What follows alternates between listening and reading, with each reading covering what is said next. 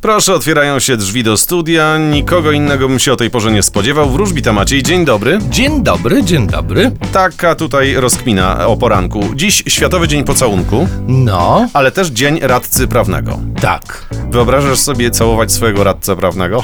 Nie. Dziękuję, nie mam więcej pytań. Poproszę o horoskop.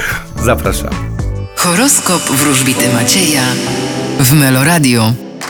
Baran, Będziecie trochę ograniczeni i zablokowani. byk, Wy będziecie rozpędzeni i szybcy. bliźnięta, Możecie liczyć na odwzajemnienie waszych uczuć. rak, Oj, będziecie intensywnie pracować. lew, Możecie spodziewać się stabilizacji na polu zawodowym i finansowym. panna, Postawicie na siebie, inwestując w swój intelekt. waga, Będziecie bardzo konkretni i stanowani. skorpion, Wy postawicie na przyjazność. strzelec, Los zakończy za Was pewne przedsięwzięcia, które mają odejść do przeszłości. koziorożec, Wy będziecie wyruszać dosłownie i w przenośni. wodnik, Wy, podobnie jak e, zodiakalne koziorożce, będziecie rozpoczynać nowe. ryby. A Wy możecie liczyć na wsparcie najbliższych.